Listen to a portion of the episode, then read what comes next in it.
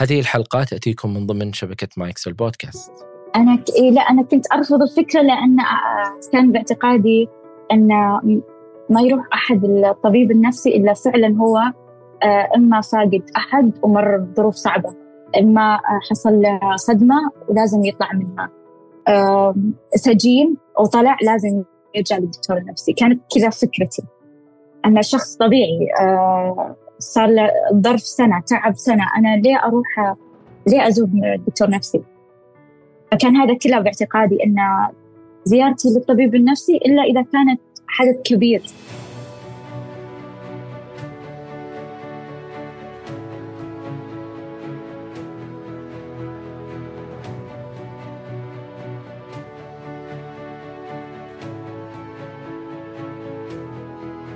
أهلا بكم يا أصدقاء. في هذه الحلقة شاركتني بشرى آه، بداية ظهور عدد من الأعراض آه، اللي كانت غير مفهومة بالنسبة لها. آه، كانت في محاولة لفهم الأشياء اللي تمر فيها. مرت بعدد من المراحل والمحطات ما بين الرقية الشرعية وما بين زيارة العيادة. وحتى وصلت لمرحلة مختلفة من الفهم والتعامل والتعايش مع الأمر اللي كانت تمر فيه. شاركتني هذه القصة من البداية حتى لحظة تسجيلنا لهذه الحلقة. لا تنسوا يا أصدقاء تقييم البودكاست على iTunes كذلك مشاركة الحلقات السابقة من تحبون عبر منصات التواصل المختلفة. أي شخص حاب يشارك تجربته معنا هنا على البودكاست أتمنى منك أنك تتواصل معي على العنوان البريدي وهو أسامة at وجدان dot co كل شيء ذكرناه في هذه الحلقة تجدون في وصف هذه الحلقة. وشكرا لكم. أنا أسامة بن جيفان وهذا وجدان. هل سبق وزرت العيادة؟ إي نعم. قبل أربع سنوات تقريبا. قبل لا أزور العيادة أنا كانت آه، تجربتي كانت مع أول شيء إني آه، علاجي كان مع آه، إني أزور شيخ. تمام. بالبداية خليني أقول لك تفاصيل. ممكن ما تهم بس خليني أدخلك معي باللي حصل لي بالضبط. خليني أقول لك أول شيء خليني أقول لك صرخة صرخة واحدة هي قلبت حياتي كلها سوء. كانت صادفت على أذان صلاة. وقتها فقدت وعي كليا.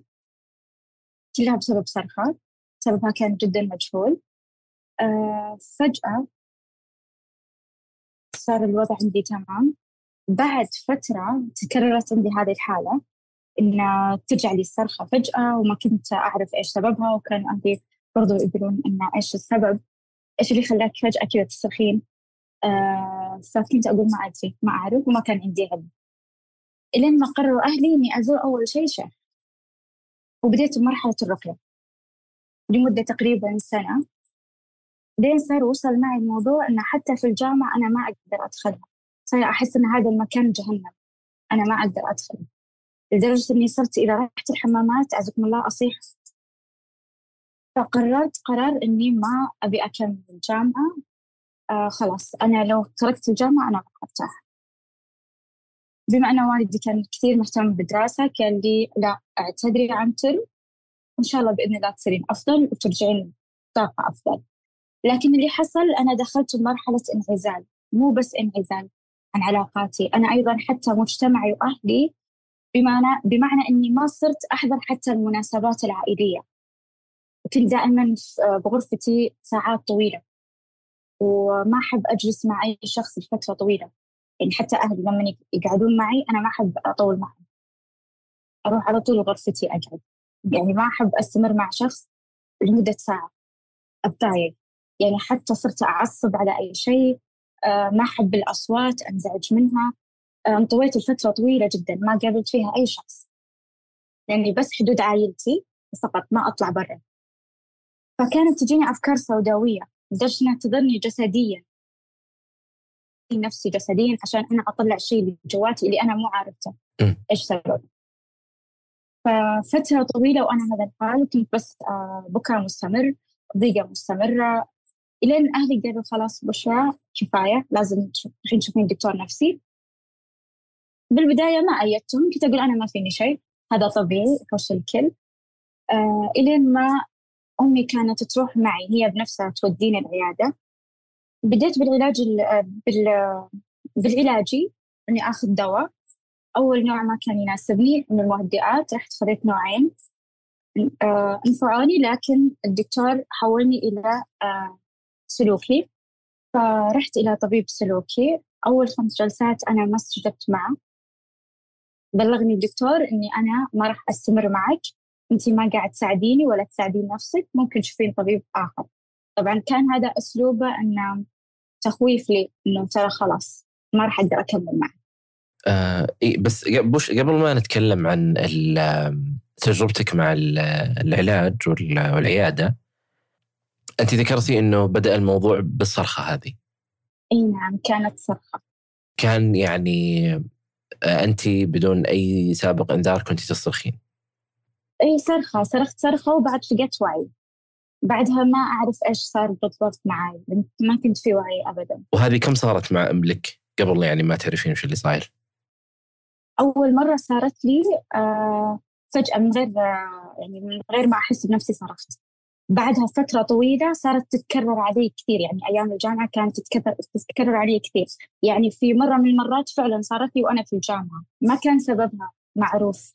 يعني ممكن أول مرة أنت ما كنتي منتبهة للأشياء اللي تصير وقتها أو شيء. هل تقدرين تتذكرين إيش كان يصير آه، لما آه، تكون الصرخة هذه جتك بتحسين إنها بتجي؟ لا ما كانت بدون لا بدون بدون بدون حتى يعني مؤشرات تدل إن أنا أحس إني بدخل بهذه الحالة ابدا. يعني صرختي الأولى كانت فجائية يعني كانت بينها هذه بعد. كان وقتها يصادف صلاة فصدق يعني ما لو أقول لك ان في مؤشرات لا ما كانت في مؤشرات طلعت فجأة. فقدت بعدها الوعي. فكانت تجيني بين فترة يعني فترات كنا نجهل سببها إلى إن أمي قالت لازم لازم أشوف آه، شيخ شوف إيش السبب. آه، في هذاك الوقت هل آه، يعني كان عندك أي معلومة تجاه موضوع مثلا الطب النفسي أو الصحة النفسية؟ أه لا ابدا. ما كان عندي هذه الفكرة. وبالعكس أنا خليني أقول لك من الناس اللي استنكروا هذه الفكرة انه انه ليه نروح؟ إحنا ما فينا شيء، إحنا نقدر نغير، كنت يعني كذا بأفكاري هذه كنت أنا أقولها لحي لأي شخص يعني يجي يقول ممكن لو أزور طبيب نفسي كنت أنا أستنكر هذا الشيء. إلين ما أهلي أقنعوني إنه فعلا لا انت آه، تغيرين هذه القناعة ولا تنشرينها ترى هذا مثل ما هو يعني عندك ألم جسدي ترى عندك ألم نفسي ولازم يتعالج. أه، طيب اللحظة اللي قرروا فيها أهلك إنه انت تروحين للشيخ أه، انت ذكرتي إنه انت استمريتي لمدة سنة تشوفينه. أيوه سنة. كل كم كنت تروحين له؟ تقريبا بعد شهر كذا متقطعة ما كانت يعني فترات متقاربة كانت متقطعة. يعني مثلا جيت اليوم خلاص أصير تمام لين ما ترجع لي الحالة مرة ثانية الصرخة هذه ف وأزور الشيخ وهكذا. يعني ما كانت مستمرة كانت متقطعة. المكان اللي أنت كنت تروحين له كان يعني آه، شيخ كان في منطقة غير إيه شيخ كان في منطقة غير منطقتي. اي كم كم كان يبعد عنك؟ في الرياض هو كان. كنت أجي ويكند يعني مع أهلي وهو كان يجي عندنا يعني يقرأ. آه يجيكم ما تروحوا له. أيوه. بس هو كان مسكنه في الرياض فإحنا كنا نروح له بس ناخذ يعني مكان و... ويجينا فيه. فزيارة الرياض كانت بشكل أساسي عشان الشيخ؟ بالضبط. آه، طيب ال ال اللحظة اللي يكون هو موجود فيها كم كم يجلس معك؟ يعني كم مدة آه، الرقية؟ أنا ما كنت أحس بولا شيء يعني وقتها ما كنت أشعر بولا شيء غير إني كنت يعني أتأذى في بعض المرات لما كان آه، يقرأ آيات معينة كان مثلا آه، إذا مثلا الماي هذا لما يرشها علي وما إلى ذلك يعني ما أبي أدخل بالتفاصيل هذه بس كانت هذه هي اللي تسبب لي ألم فكنت آه، ما أحس حتى أن كم قعدنا فترة هو قاعد يقرأ علي ولا. لأني بعدها ما ما أتذكر ولا حاجة غير الألم اللي كنت أحسه لما يقرأ آيات معينة ولما مثلا آه، يكب علي الماء وهذا فما ما كنت حتى أحسب غير إني أبي بس يروح عني عشان أنا أرتاح. فبالنسبة لك هذه الفترة يعني ممكن هذا بيكون أيضا أمر مقنع للناس اللي حولك إنه لما يجي الشيخ انت تتعبين ولما يروح تطيبين. أيوه أهلي شافوها كذا قال أكيد إنه فيك شيء بما إنه لما الشيخ يجي وكنتي تتألمين وإذا قرأ آيات معينة كنتي تصارخين وما إلى ذلك خلاص إحنا عرفنا أن أنت فيك شيء ولازم تستمرين وإلى ذلك لكن آه، كنت آه، أحاول إني أحاول إني أغير هذا الشيء عشان ما أهلي يجيبون لي الشيخ. لما يقول يصير بشرى أنت؟ تمام؟ أقول إيه الحمد لله تمام. لكن أنا بيني وبين نفسي في غرفتي قاعدة أسوي أشياء هم ما يدرون. بس عشان إنه ما يرج... نرجع للرياض عند هذا الشيخ ويقعد يأذيني. فأنا استمريت فترة مع هذا الشيخ إلى أن جاء عندنا يعني في منطقتي آه وقال إنه خلاص بس إنها تستمر مثلا على الماء المقري والزيت المقري عليه. و... والأشياء هذه والمسك وغيره وإن شاء الله أمورها تصير أحسن. آه، يعني هل هو آه، بهذاك الوقت آه، ذكر إيش إيش المشكلة اللي فيك؟ هو قال إنه عين بس أنا ما أؤمن بهذا الشيء و... وبرضه يعني هو قال عين ومعها مس وما ادري إيش بس أنا ما أؤمن بهذه هذه الأشياء ابدا. فكنت دائما أقول لأهلي اي أنا ما كنت قريبة لربي ممكن صار لي هذا تنبيه. هو كان الارتباط من أهلك إنه شيء مرتبط بإنه مثل ما ذكرتي إنه أنت ما أنت قريبة من من ربك أو ما تصلين أو ما تعملين الواجبات عندك فبسبب هذا صار لك هذا الشيء؟ لا أنا أقنعت نفسي ان هذا السبب م. واقنعت أهلي لا أكيد إن أنا لأني كنت شوي بعيدة ما كنت آه، ملتزمة بصلاتي ومحافظه وما إلى ذلك ف مع الماء المقري عليه والزيت لفترة. الحمد لله صرت أحسن والصرخة ما عاد صارت ترجع لي ابدا لأن أمي الله يحفظها ويخليها لي هي اللي كانت تساعدني بهذا الشيء. يعني إذا تبي مثلا وقت إنها تصب علي الماء تجي هي معي آه، تساعدني بهذا الشيء. لما أبي أحط الزيت قبل لا أنام هي تجي تسوي لي هذا الشيء. فكانت أمي هي اللي مساعدتني لين الحمد لله ما عاد صرت آه، صرت أفضل بكثير من قبل. أه تربطين التحسن بالقراءة أو بالرقية؟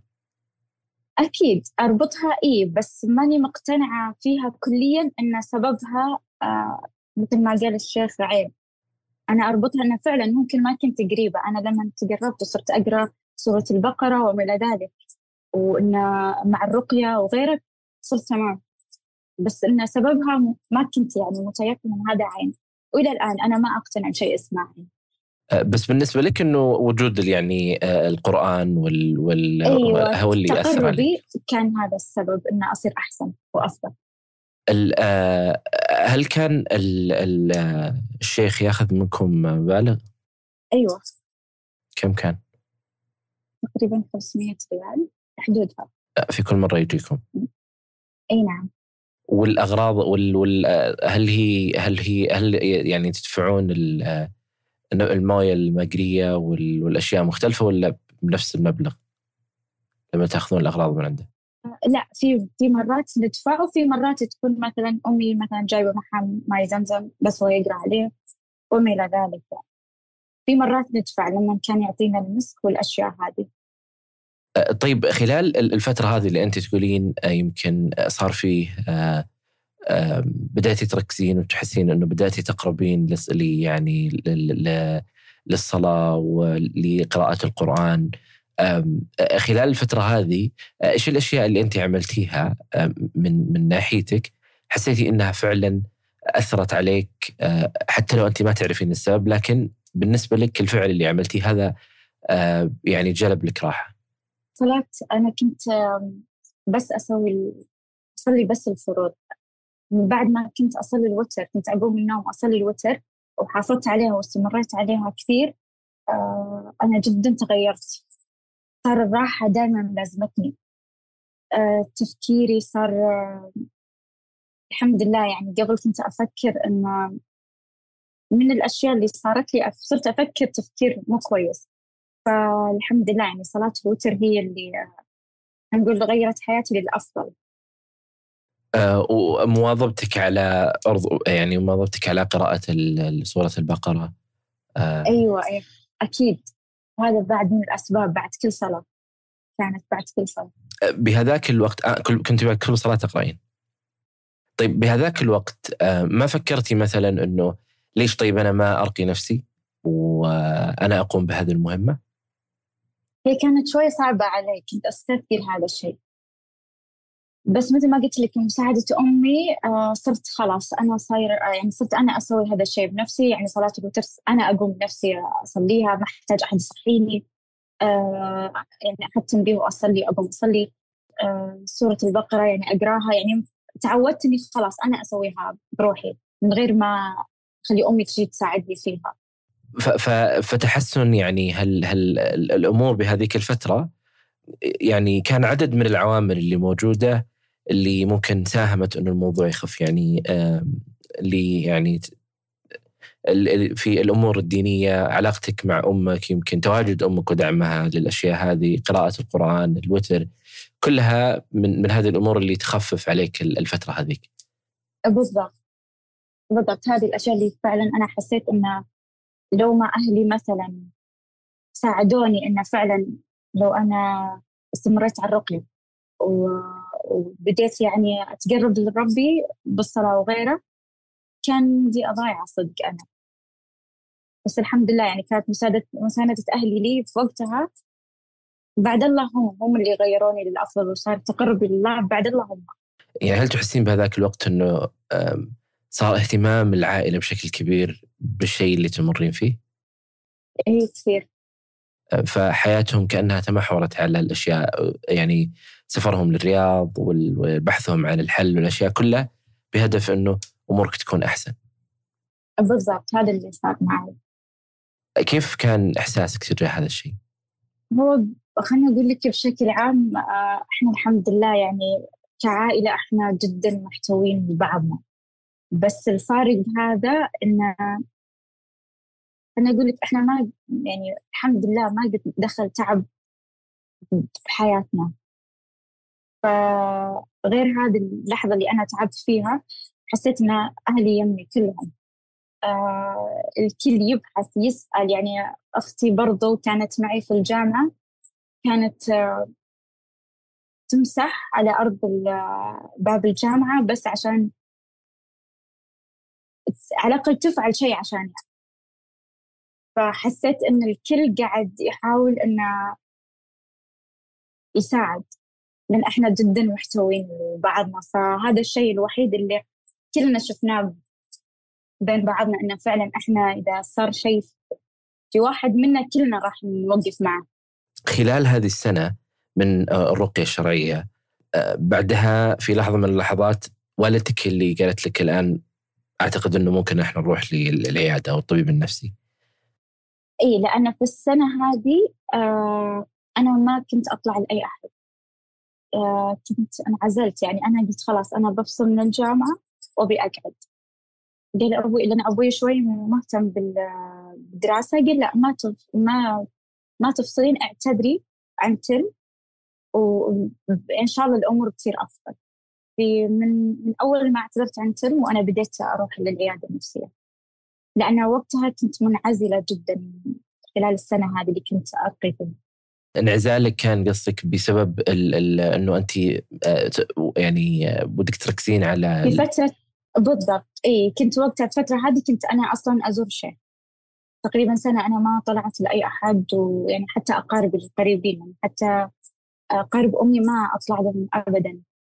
ولا كنت اطلع حتى صاحباتي كانوا يقولوا لي يلا خلينا نطلع نغير نفسي أقول لا ما أبي أشوف أي أحد. فأمي أمي هنا حست إنه هذا فادك بس إنه ما فادك بشيء ثاني.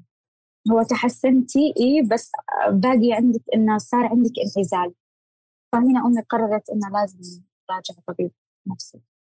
إيش كان طيب بالنسبة لل للناس اللي حولك أنت الآن ذكرتي الأقارب أو صديقاتك. هل كان عندهم معرفة أنه أنت تعبانة أو تمرين بشيء أو ما, عند معلومتهم عن يعني معرفتهم بهذا الشيء كيف كانت؟ آه لا ما كان أحد يعرف. أول سنة لا ما كان أحد يعرف. فكانوا يتساءلون إنه ليه بشرى ما تجي معكم بشرى ليه؟ فكان أعذار. إنها ما تبي تطلع مشغولة. بس لانك أنت انقطعتي عنهم فهنا بدأ السؤال إنه وين بشرى؟ أيوه أنت.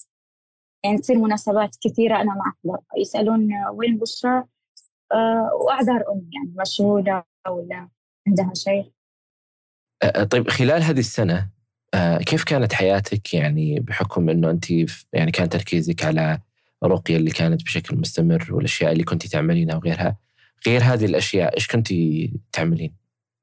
أنا اكتب ففي الفترة هذه في السنة هذه بديت أنمي هذه الموهبة اللي عندي إني أبدأ أكتب أكتب أكتب لأن أنا راح أصدر كتاب. فالسنة هذه كانت كلها مكرسه حياتي إن أقرأ كتب أطور من الكتابة عندي أزيد مفردات عندي عشان أطلع كتاب كويس. فكان كل هذا تفكيري في السنة هذه.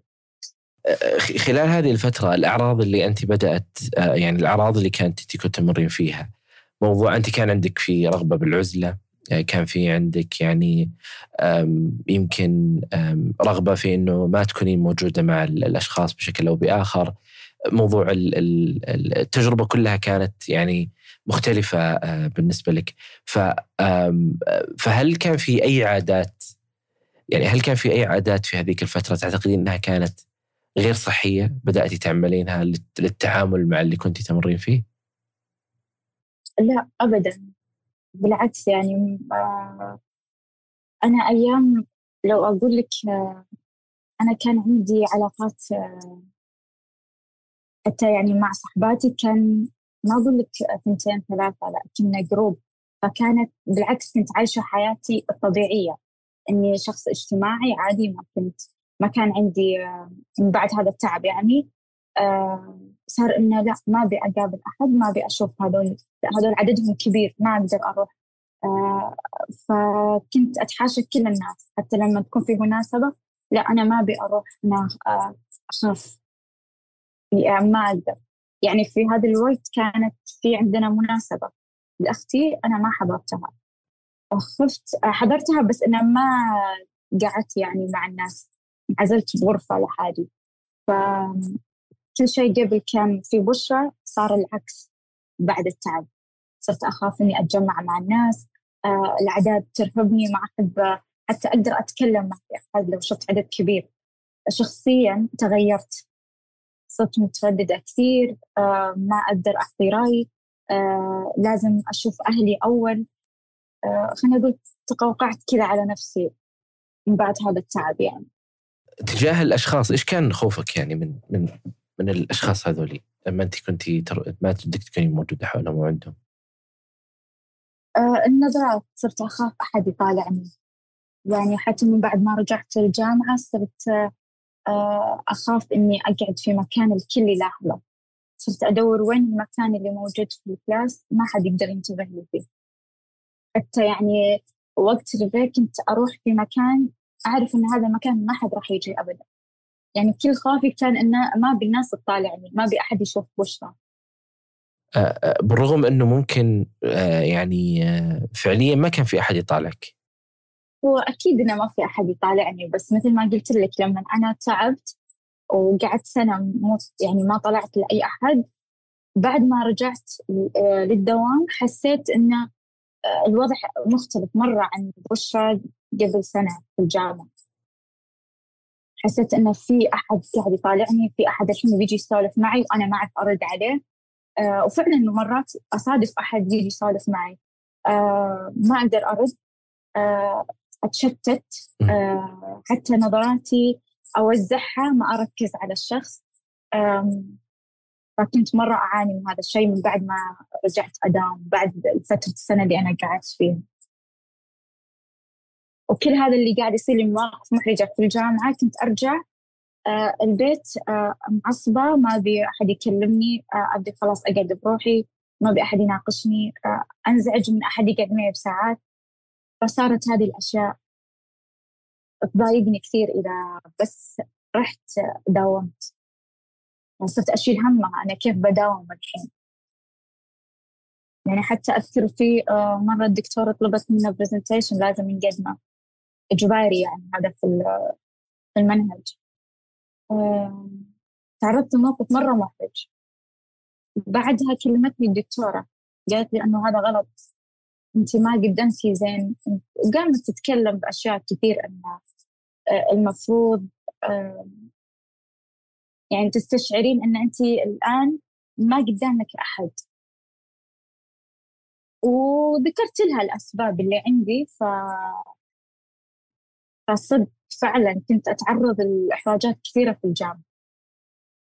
فمن هنا لما كنت أرجع البيت و دائما أعصب على أهلي لدرجة إنه فعلا صرت أي شيء قدامي أرميه عليهم بس عشان يسكتون وما يقربوني ولا ولا يتكلمون معي. فهنا أمي قررت قالت لا بشرى أنت لازم تروحين آه، دكتور آه، طبيب نفسي أنت مو تمام.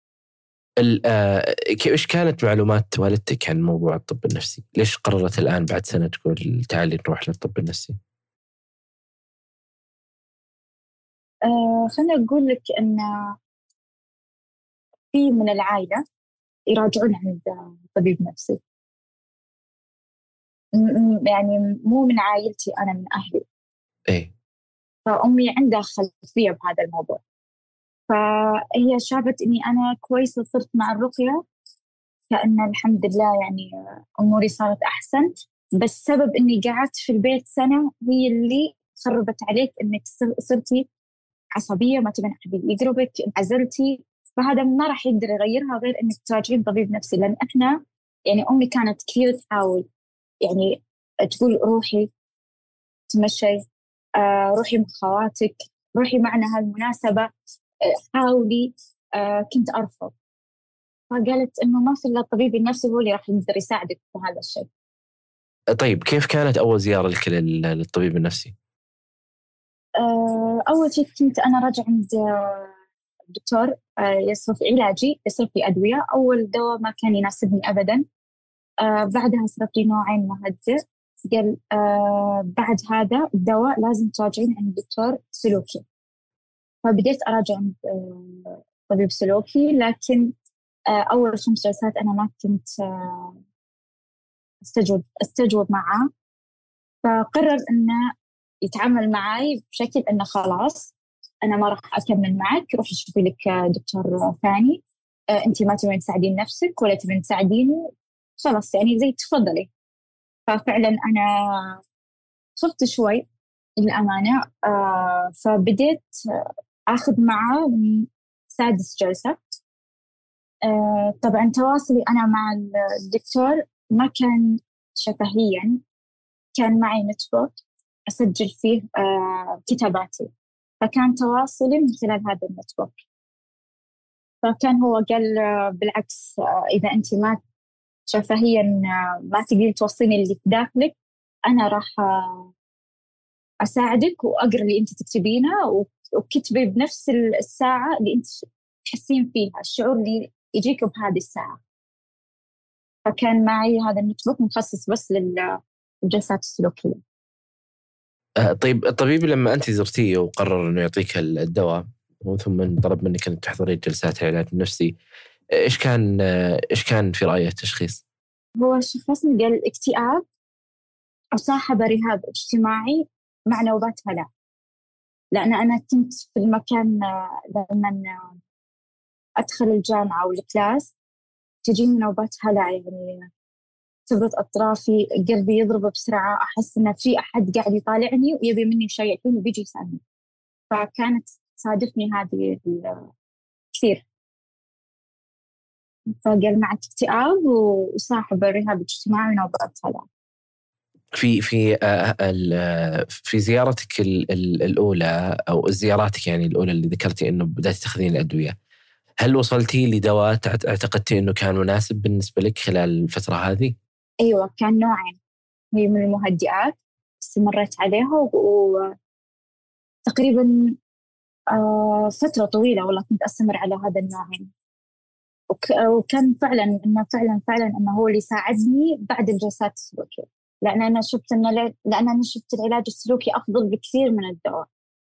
تقريبا أنا أربع سنوات آه، كنت قاعدة أراجع الطبيب النفسي. أربع سنوات كنت تأخذين الأدوية؟ إي نعم. أه متى بدأتي تلاحظين التحسن من أول مرة أخذتي الدواء؟ تقريبا بعد سنة أهلي لاحظوا الفرق. أن صرت أنا اللي أجمعهم في مكان واحد. صايرة أقعد كثير مع أهلي يعني أنزل لهم وأقعد معهم. سلكت كثير مع الناس. آه صرت آخذ وأعطي مع الناس. آه هذا كله بعد سنة. وأنت بالنسبة لك الفترة هذه أيضا كان بالإضافة لموضوع الأدوية آه موضوع الجلسات. الجلسات كان الخطة كم العلاجية كنت ماشية عليها كم جلستي الجلسات؟ مع العلاج السلوكي تقريبا كانت آه، هي أسبوعيا. قلت لك أربع سنوات أنا كنت مستمرة مع العلاجي والسلوكي. والجلسات العلاج النفسي كل كم كنت تروحين؟ العلاجي كانت شهريا ومرات تكون بعد آه، ثلاث شهور على حسب الدواء. آه إذا صرفت لي دواء مثل هذا النوعين قلت خلاص بعد ثلاث شهور ارجعي لي أشوف في تغيرات في تحسنات. فكانت فترات متباعدة كثير. أما بالسلوكي لا كانت أسبوعيا. فلمدة أربع سنوات لكن أسبوعيا ما كانت متواصلة بحيث أنها جامعة واختبارات و... فبس أنها استمريت أربع سنوات معهم. إلين ما تخرجت من الجامعة. متى تخرجتي؟ آه سنة 2020 يعني آه في وقت كورونا أنا خلاص أنهيت آه أنهيت زياراتي مع الطبيب النفسي آه وبعدها توقفتي بموضوع الأدوية والجلسات؟ آه إي نعم بس استمريت على دواء واحد. آه آه ما اكترف لي الدكتور يعني بوصفة لكن أنا استشرت إذا أقدر أخذ هذا الدواء آه، بجرعة أقل. آه فقال لي آه ما راح يسبب لك ضرر وأصرفي عادي من أي صيدلية.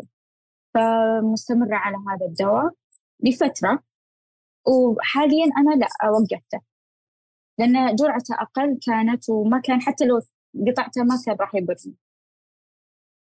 أه، طيب بالنسبة لل يعني خلال الأربع سنوات هذه كيف كنت يعني تشوفين الموضوع إنه انت يمكن انت يعني في فترة من الفترات كنت ما تعتقدين إنه المفترض إنك تروحين للطبيب النفسي. فالآن كيف كنت تنظرين للموضوع خلال الاربع سنوات هذه؟ هل بدأوا الناس يعرفون؟ هل كنت تعتقدين أنه هذا الشيء ما تبغين أحد يعرفه؟ أه تحسين شيء غلط؟ أنا ك... إيه لا أنا كنت أرفض الفكرة لأن آه، كان باعتقادي أن ما يروح أحد الطبيب النفسي إلا فعلا هو آه، إما فاقد أحد ومر بظروف صعبة. إما حصل له صدمة ولازم يطلع منها. سجين وطلع لازم يرجع للدكتور النفسي. كانت كذا فكرتي. أنا شخص طبيعي آه، صار له ظرف سنة تعب سنة أنا ليه أروح ليه أزور دكتور نفسي؟ فكان هذا كله باعتقادي أن زيارتي للطبيب النفسي إلا إذا كانت حدث كبير. بس الآن أنا أشوف أنه ممكن صدمة أو تعب. يعني أنا هذا التعب أشوفه تعب بسيط. تعب تعب خطة يعني تقريبا سنة. سبب لي أن علاقات آه، انعزالي عن علاقات عن أهلي عن علاقاتي عن أصحابي عن آه، سبب لي درجه أن صرت أخاف. مع أن أنا كنت جريئة قبل كنت اجتماعية مع الناس كنت فشفت إن هذا الشيء البسيط اللي أنا كنت أقول لا أنا ما أستاهل أروح عشانه آه، كلفني والله كثير. سبب لي إحراجات حتى ضعف شخصيتي. ففعلا يعني كان لو ما طلعتهم أهلي وجبروني إني أروح حتى بالقوة لدرجة أمي كانت تروح معي يوميا يعني أسبوعيا لما الجلسات السلوكي كانت تروح مع تروح معي وتوقف برا. كان الدكتور يقول خلاص لا عاد تجين معها. خليها هي بنفسها بإرادتها تجي. وفعلا أنا يعني حسيت إن كلام أهلي لي أن بالعكس روحي ترى مو مو للناس الناس معينة ترى حتى الناس اللي يواجهون هم بسيط يروحون عادي. هذا مثل ما انت عندك ألم نفسي وألم جسدي ترى في شيء اسمه ألم نفسي يتعالجون الناس منه. ف بالعكس أنا الحين مرتاحة كثير آه، بالفكرة وبالعكس أيد أن كل شخص عنده حتى لو آه، شيء بسيط لا يستهين بهذا بالعكس يروح للدكتور آه، بيرتاح كثير وحتى بيحصل نفسه أقوى بكثير من قبل. يعني أنا جلسات السلوكية مع الدكتور كانت تعطيني حتى انطباع لنفسي إني أنا أفضل. إنه ما يعني لما كنت أعاني من أنا لما أجي أحد يجي يسولف معي كنت أرتبك أشتت نظراتي ما أقدر أركز فيه. فكان الدكتور يعطيني انطباع عن نفسي لا بالعكس أنت نفس اللي قدامك قاعد يسولف. فكانت أنا أقول لك العلاج السلوكي أفضل بكثير من الدواء من الدواء أنا لما كنت مع الدكتور السلوكي كنت أخذ كثير معه. حتى كان يسوي لي خطة علاجية. لما أرجع البيت كنت أطبقها. فكانت كأنه شيء لي ممتع. مو إنه زي الدواء لما يكون إجباري آكله قبل آه، قبل الفطور قبل لا أنام آخذ حبة. كنت شوي بالدواء شوي آه، مو معاه كثير. يعني حتى مرات إني أتضايق إذا جيت آخذ لوحدة بس السلوكي كنت أستمتع بالخطة العلاجية اللي يكتب ليها الدكتور لما أرجع البيت أسوي كذا. كل جلسة كنت أتحمس إن ترى أنا سويت كذا وأسوي check على الأشياء اللي سويتها كان جدا ممتع. ما خذيتها كأنها فعلا زيارة عيادة. كأن كأني رايحة أقابل شخص راح يعطيني يفيدني كثير بس. راح يغير من من شخصيتي بس. ما حسيت إني رايحة مستشفى أو رايحة عيادة وإنه لا أبدا بالسلوكي ما حسيت غير إن أنا رايحة مع شخص هيغير حياتي للأفضل بيغير شخصيتي تغيرت فكرتي جدا عن العيادات النفسية بشكل عام. أتمنى من الكل بعد يغير تفكيره عن العيادات النفسية. مرهقة لكن ممتعة. إيش السبب اللي خلاك تبغين تشاركين تجربتك؟ أنا شخص باعتقادي أن أنا آه، تقريبا مر علي تجارب كثيرة سيئة بحياتي. أمور شخصية خلتني أنظر نفسي أني أنا شخص جدا ضعيف. فأنا الآن كلمك آه طبعا قبل لا أقول هذا الشيء أنا الدكتور أعطاني حل قال لازم أنت آه توظفين حتى عن وظيفة ما تقعدين في البيت. وفعلا أنا الآن متوظفة في الرياض بعيد عن أهلي. بس حابة أقول لكل شخص مر بأي تجربة بحياته آه، أنا قدامكم شخص مر بتجارب كثيرة سيئة بحياته مريت بتجربة كانت جدا سيئة. آه، بعد التعب اللي صار لي بعد المواقف المحرجة بعد أمور يعني خلتني شخص جدا ضعيف. أنا الحين أكلمكم وأنا متوظفة ومستقلة وقادرة أشيل مسؤولية والأكثر من هذا كله. أنا الحين قدرت أسيطر على أي شعور ممكن يصيبني بأي لحظة. يرجعني لورا. أنا الآن آه كنت موظف عادي. صرت الآن سوبرفايزر آه في وظيفتي. أنا ما تحطمت. ولا قلت أنا شخص سيء أنا خلاص أنا من أول ما أنا هذه حياتي ربي كاتب لي إني أنا كذا أنا كذا. أنا من بعد آه تعبت. وبعد ما آه، نفسيتي صارت آه، زفت يعني مع أهلي وقطعت علاقات وما إلى ذلك. أنا الآن آه، شخص قوي عندي قرارات. قدرت أسيطر على أي شعور يجيني. قدرت أشيل مسؤولية لما أهلي كانوا يشوفوني بشرى اللي ما كانت تقدر تسوي شيء لما نخاف عليه.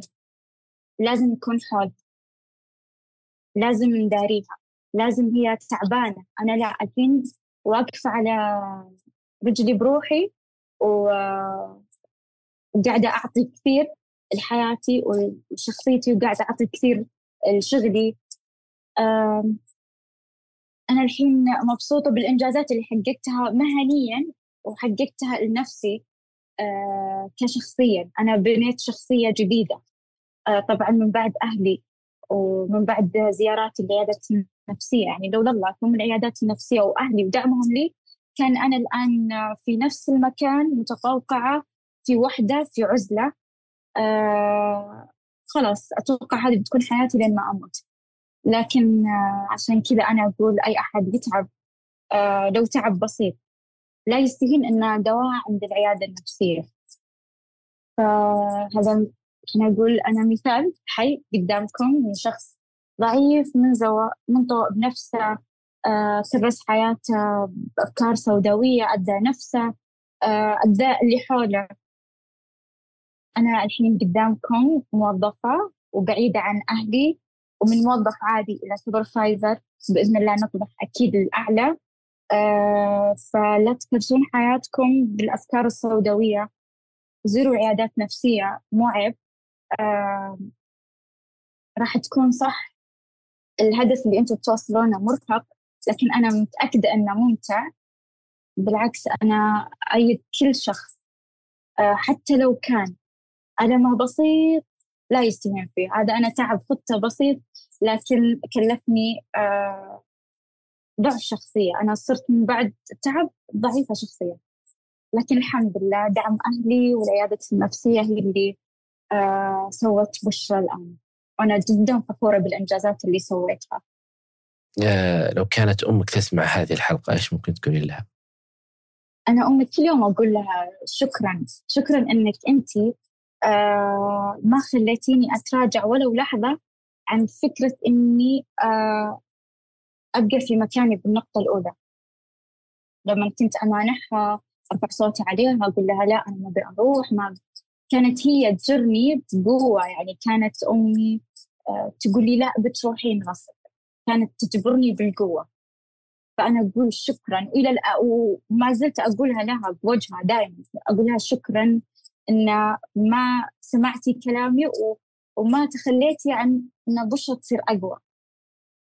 شكرا فعلا لأهلي بشكل عام كلهم وقفوا معاي وقفة. حسيت إنه فعلا أنا لو بنكسر أنا ما راح أنكسر لأن أنا عندي أهل قاعد يدعموني. أنا حتى الوظيفة قالوا لي لا استمري وقعد لحالك. إي عادي تحملي المسؤولية أنت قدها. أنت ح... أنت زي أي أحد. يعني وهذا ما قالوا أنت تعبانة نفسيا لا ما نقدر نخليك لحالك. بالعكس أعطوني مسؤولية تحملتها والحمد لله يعني خلال سنة أنا حققت على صعيد المهني أنا حققت شيء مرة كبير. يعني تخيل خلال سنة من موظف عادي إلى موظف إلى سوبرفايزر إني ماسكة قسم كامل. ف هذا أكيد دعم أهلي لي. وحتى غيروا في فكرة إنه العيادة النفسية مو شيء عيب يا بشرى لو رحتي لها وزعوا فيني أن بالعكس كل ما حسيتي إنك أنت تعبانة نفسيا ترى في شيء علاج ترى في في علاج. فأنا كل ممتنة لأهلي فعلا. لولا الله ثم هم أتوقع أني بقيت في نقطة وانتهيت. آه الله يعطيك العافية بشرى.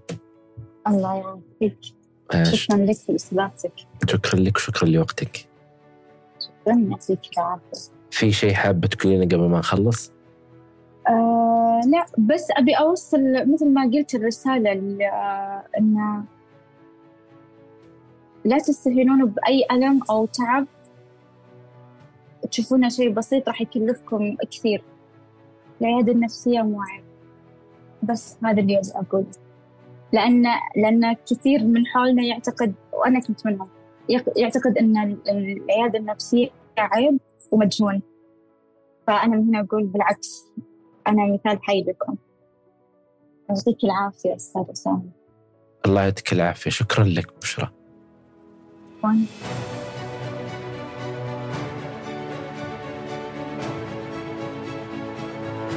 شكرا لكم يا أصدقاء لاستماعكم لهذه الحلقة. لا تنسوا تقييم البودكاست على ايتونز كذلك مشاركة الحلقات السابقة من تحبون. عبر منصات التواصل المختلفة. أي شخص حاب يشارك تجربته معي هنا البودكاست أتمنى منك أنك تتواصل معي على العنوان البريدي وهو أسامة at وجدان dot com كل شيء ذكرناه في هذه الحلقة تجدونه في وصف هذه الحلقة وشكرا لكم. أنا أسامة بن جيفان وكنتم مع وجدان.